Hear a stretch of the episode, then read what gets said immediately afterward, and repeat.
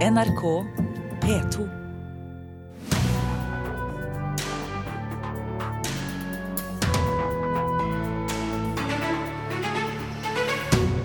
Norske bedrifter henger etter i digital kompetanse.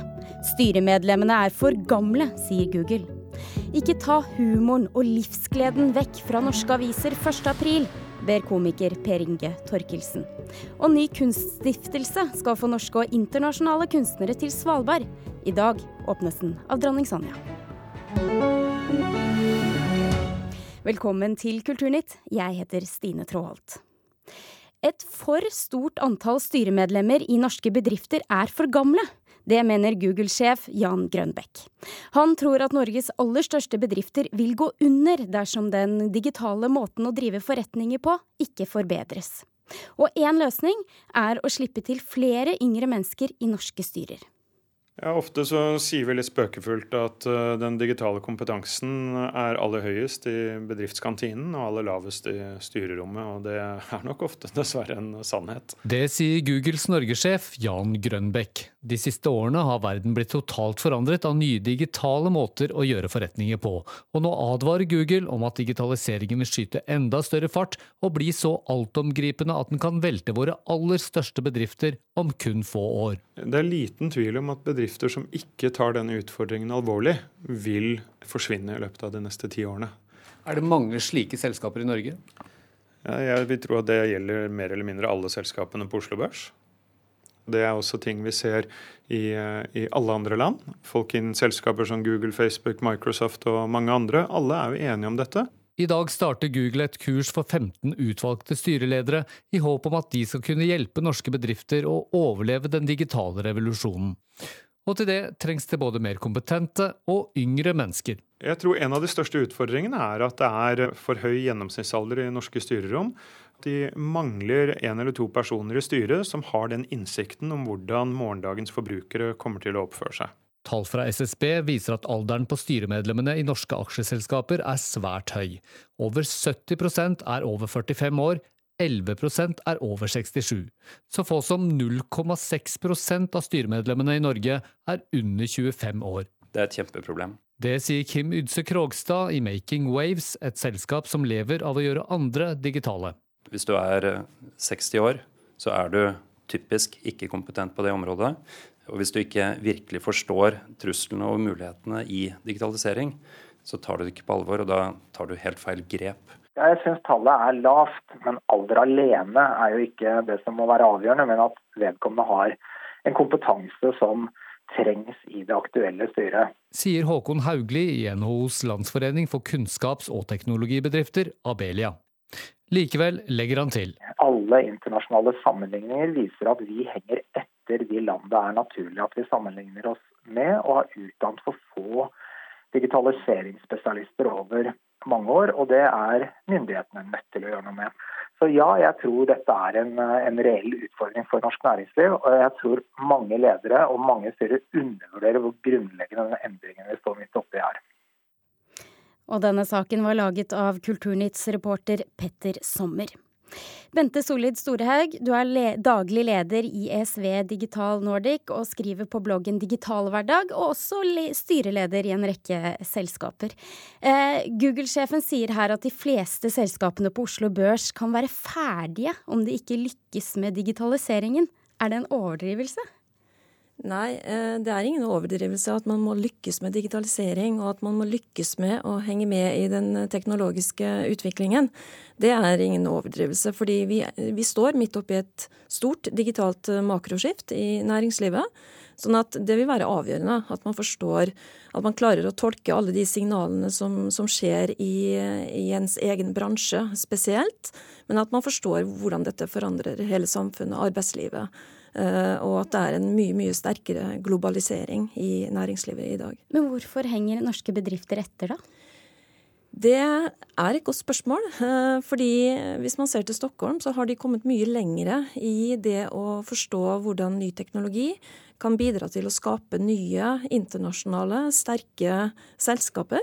Eh, Sverige har mange selskaper som har fått enormt uh, høy markedsverdi internasjonalt. Skype, Spotify, Minecraft-selskapet, Truecaller, iSettle altså Vi kan ramse opp veldig, veldig mange svenske selskaper som har lykkes innenfor internettøkonomien. Og også innenfor det industrielle internettet, som da er robotisering og automatisering og bruk av kunstig intelligens. Eh, bruke data til å forstå hvordan du kan drive eh, bedre, mer kostnadseffektivt med, ved hjelp av teknologi. Og så er det det spørsmålet da, som kan være litt provoserende, at uh, norske styremedlemmer er for gamle, og at det kan være én årsak til at vi henger etter? Jeg vil ikke henge det på alder. Hvorfor fordi, ikke? Nei, ikke sånn generelt. Altså, Jan Grønbøk og jeg, vi, vi er 50 år snart. Uh, Eh, det har ikke med alder å gjøre, det har med holdninger. Det har med forståelse, det har med å være nysgjerrig, det å kunne erkjenne fakta, ta inn signaler, bruke disse erkjennelsene til å være operative nå, eh, til å handle, til å forstå at noe må gjøres. Eh, og i et styrerom så trenger man veldig sammensatt kompetanse. Det er digitalisering, kan du si, er en fellesnevner for alle de rollene som sitter i et styrerom. Men man må huske på at eh, styrerommet også gjenspeiler hvem som eier virksomhetene. Men digital kompetanse, hva er det egentlig snakk om her at man trenger? Det er litt sånn vanskelig å få taket på, nesten. Først og fremst så tror jeg det handler om å forstå at uh, du og jeg, som er kunder, eh, vi har endra oss veldig mye siden vi fikk internett. Og hvis man ikke skjønner hvordan nettet har forandra seg, hvordan vi har endra vår måte å bruke internett på, så, så, klarer man heller ikke å tilpasse sin egen virksomhet til denne utviklingen. Men når, når man ser på disse tallene, da, så vidt jeg husker 70 eh, av norske styremedlemmer er over 45 år. Eh, det er jo noe med at kanskje yngre mennesker har med seg en bagasje som kunne være nyttig her? Den må man forstå. Eh, det er mange måter å trekke ung kompetanse inn i en virksomhet på.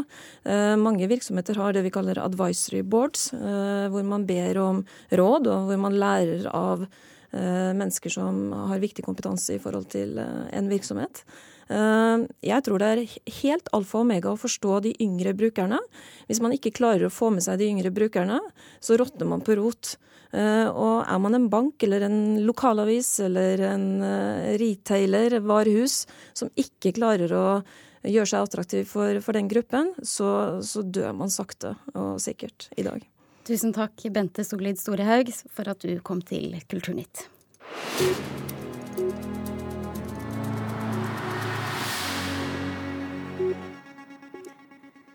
Vi skal over til eh, avisrunden her i Kulturnytt. Og vi kan bl.a. lese i dag at en norsk kunstner ved navn Ida Ekblad har havnet i en rettsstrid i Tyskland, reporter Gaute Sakariassen. Ja, det er Dagens Næringsliv eh, som i dag vier to sider til å eh, fortelle historien om Ekblad, som da har blitt stevna av toppsjefen for sandalprodusenten Birkenstock. Eh, det er et av Ekblads kunstverk som var utstilt i Hamburg kunsthall, som inneholdt et eh, bilde av Birkenstock-sjef eh, Oliver Reichert sin datter. Det var et bilde Ekblad sjøl hadde tatt med iPhonen sin av en reklameplakat. Så i første omgang så krevde altså Reichert bildet fjerna, men Dagens Næringsliv skriver da altså at søksmålet kan utvides til å omfatte økonomisk skadeerstatning. Um, Ekblad har jo allerede bytta ut det omstridte bildet etter at uh, Reichert fikk en, en midlertidig rettsforføyning uh, som da stengte utstillinga i tre dager. Men, men, saken skal fortsatt opp for uh, retten i Tyskland i april. Og, og, så til det som blir kalt tidenes Oscarskandale. This is not a joke. I'm afraid they read the wrong thing. This is not a joke. Moonlight has won Best Picture. Moonlight. Best Picture. Ja, feil film ble ropt opp som vinner i kategorien beste film. Hvordan går det med den oppvasken, Gaute? Eh, den begynner vel å nærme seg slutten, eh, er vel svaret der. Eh, Oscar-akademiet har gjennomgått rutinene sine og forholdet sitt til revisorfirmaet PricewaterhouseCoopers, som jo på en måte har stått for det, det tekniske, eller det, det praktiske rundt, rundt selve utdelinga i 83 år. Og det som vel har kommet ut av det, er at de får fornya tillit. Men de skal altså innføre en ekstra revisor ved framtidige utdelinger for å sørge for at det er noen der som kan rope ut hvis de to to første revisorene svikter. Ok. Vi hopper eh, litt mer film, men eh, vi snakker om filmen 'Pirates of the Caribbean' nå. Find Sparrow for me and relay a message from Capitan Salazar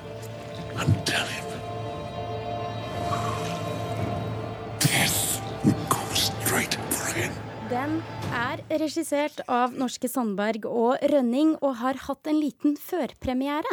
Hvordan gikk det?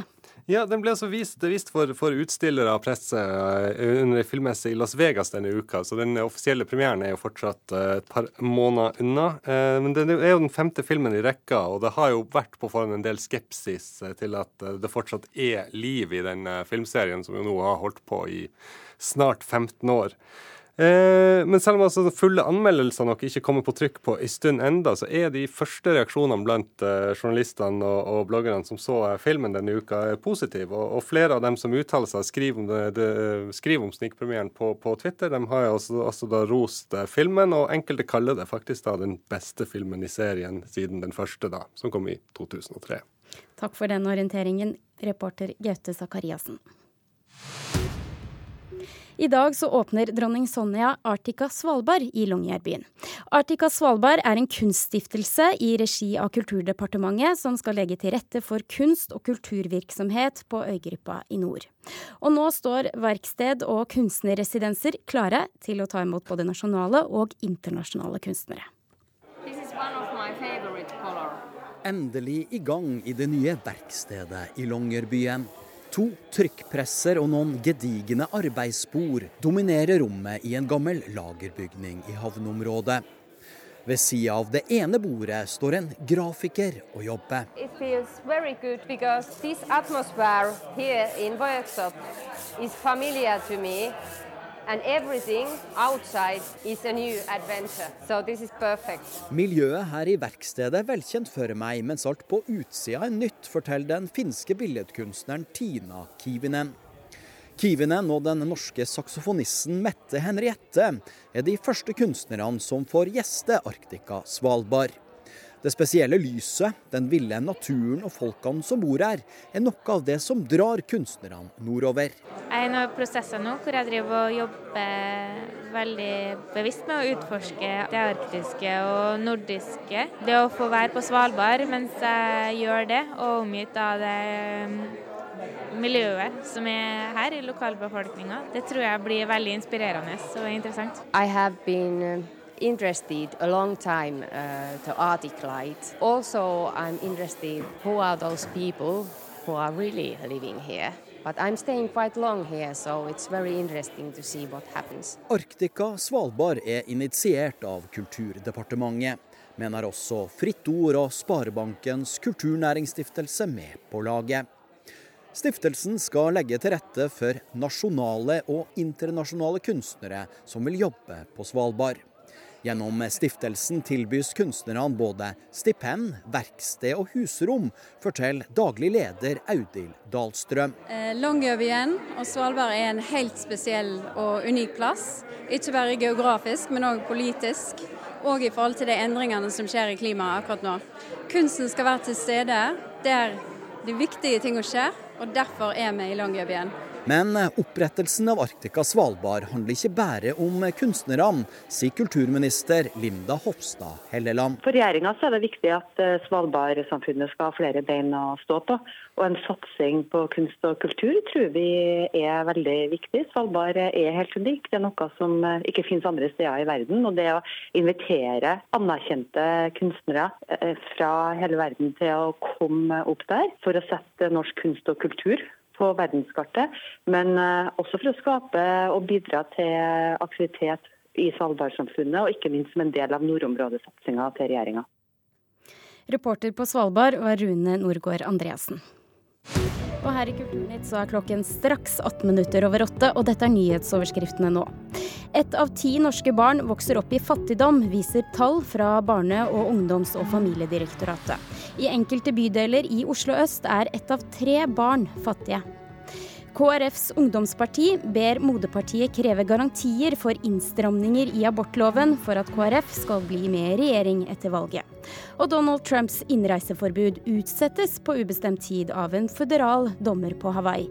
For forbudet mot innreise fra seks muslimske land stanses inntil saken er ferdigbehandlet i det amerikanske rettssystemet. Som du kanskje leste eller så på Dagsrevyen i går, så slutter Bergens Tidende med den tradisjonelle aprilspøken fra i år i avisa. Og de føyer seg dermed inn i rekken av medier som de siste årene har gjort, nettet, gjort nettopp dette. Også her i NRK Nyheter har vi sluttet å publisere aprilspøker, men i mange år så gjorde vi det. La oss høre litt på hvordan vi spøkte da. Og her hjemme har regjeringen bestemt at hjemmebrenning til eget forbruk skal bli tillatt som en prøveordning. Det meldte NRK 1.4.1989, men det skapte ikke i nærheten like mye oppstyr som Aftenpostens berømte aprilspøk fra 1950. Det dreier seg om store partier rødvin, som vil bli solgt 75% under listeprisen, blir det opplyst til Aftenposten. Spøken om billigsalg på vin fikk oslofolk til å strømme til Vinmonopolet med bøtter og spann. Ti år før skapte også NRK oppstyr da de kunne melde at det paleontologiske museet i Oslo var i ferd med å ruge ut et dinosaurusegg, og NRK var med på klekkinga. Hør! Men, men kjære dem, konservator. Men men det er jo umulig. Se der! Se der! Det revner! Fast! Det revner! Der revner det! Fast! Fast! Nei, kom unna nå, da! Og folk har blitt narra i flere aprilspøker opp gjennom årene. Vi er både glade og stolte, vi, for at eh, Spice Girls nå legger innspillingen av sin nye video til, til Oslo og til Oslo domkirke. Aftenposten smurte godt på i dag.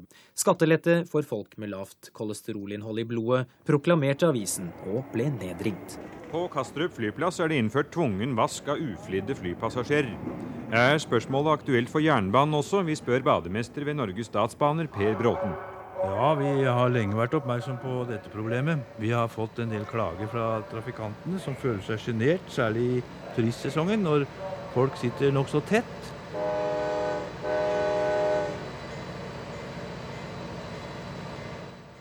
Reporter Tanita Kveino hadde tatt et dykk i arkivet. Komiker Per Inge Torkelsen, du liker ikke at aprilspøkene forsvinner fra mediene. Hvorfor ikke det? Nei, jeg syns samfunnet blir litt kaldere og kjedeligere hvis vi ikke skal få vitser.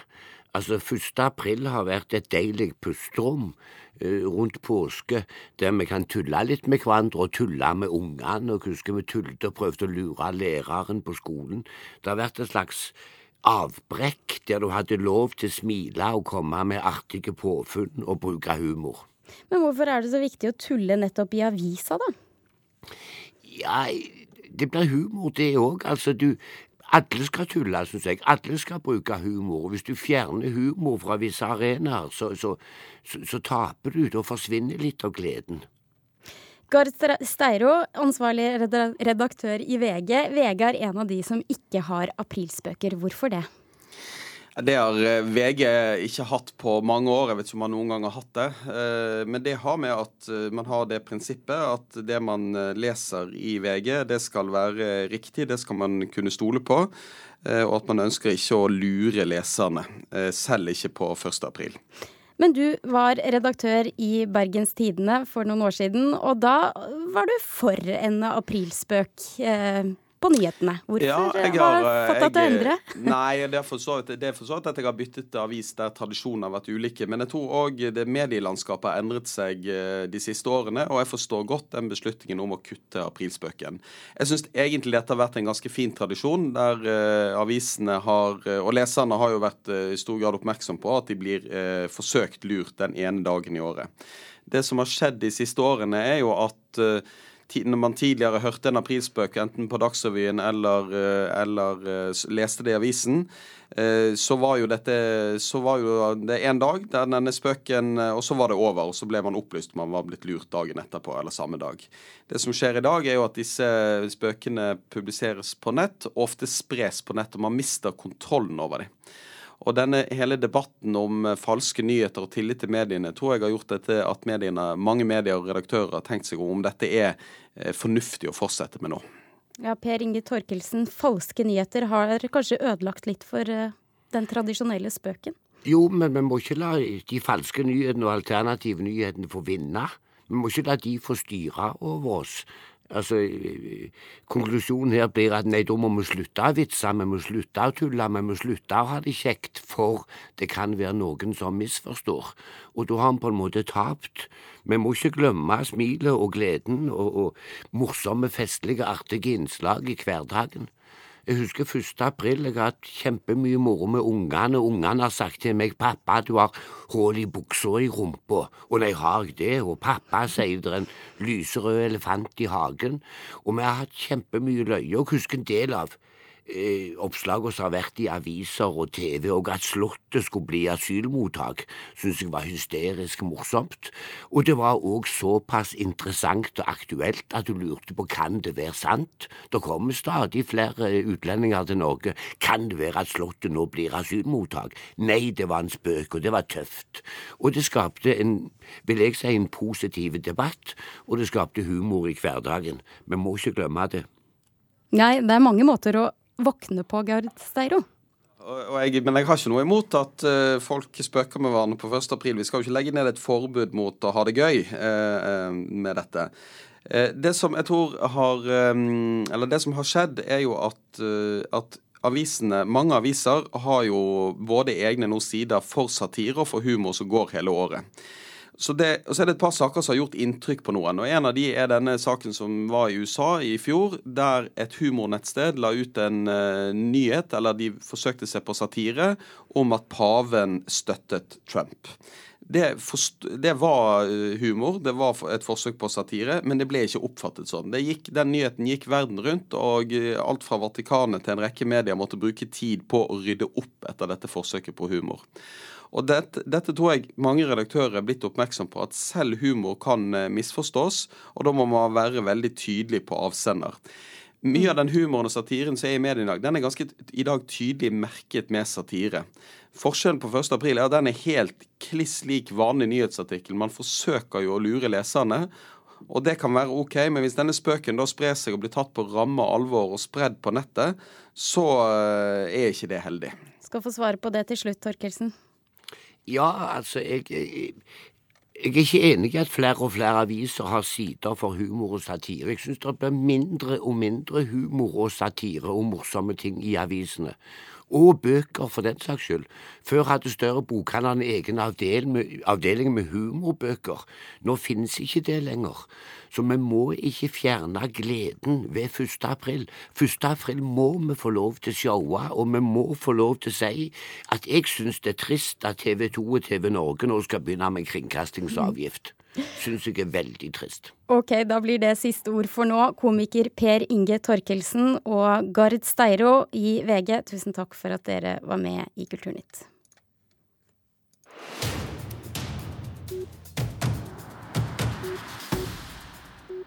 I morgen så er det kinopremiere på filmen Ghost in the Shell. Den er basert på en japansk tegneserie som mange har lest, også her i Norge. Scarlett Johansson spiller hovedrollen i en film som har faktisk mer stil enn substans. Men det er ingenting å klage på det visuelle virkemidlene, for de er fantastiske, sier NRKs filmkritiker Birger Vestmo. Why can't I feel my body? Mira, your body was damaged. We couldn't save it. We made you a new body. But your mind, your soul, your ghost, it's still in there. Ghost in the Shell er basert på Masamune Shirovs anerkjente mangaserie fra 1989, som ble til en like anerkjent animefilm seks år seinere. Mye er animert også i den nye filmatiseringa, men nå av den datagenererte sorten. Scarlett Johansson spiller godt i hovedrollen i en visuelt slående film, der regissør Rupert Sanders, kjent for Snow White and The Huntsman, virkelig boltrer seg i futuristiske stilgrep.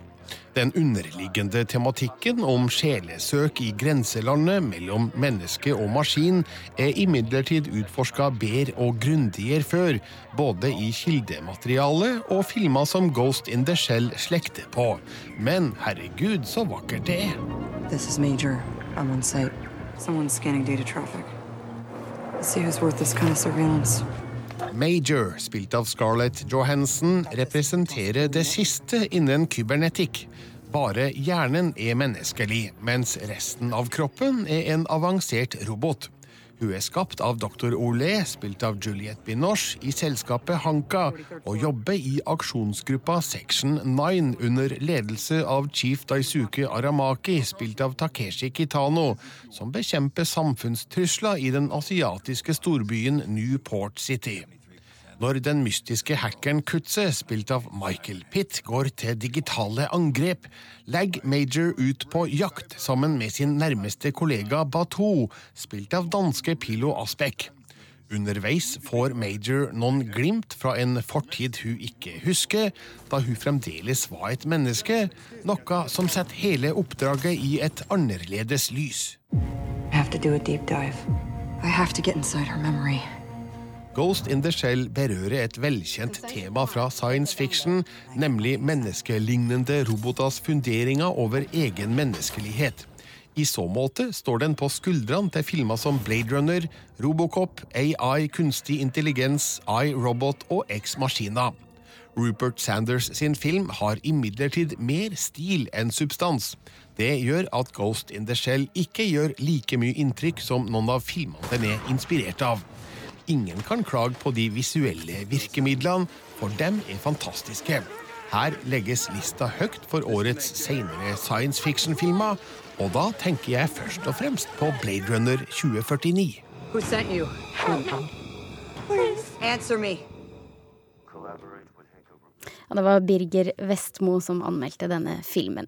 Produsent for Kulturnytt i dag var Gjermund Jappé. Nyhetsmorgen fortsetter fram til klokken er ni, og straks så får du Dagsnytt i NRK P2 Alltid nyheter. Klokka er altså halv ni.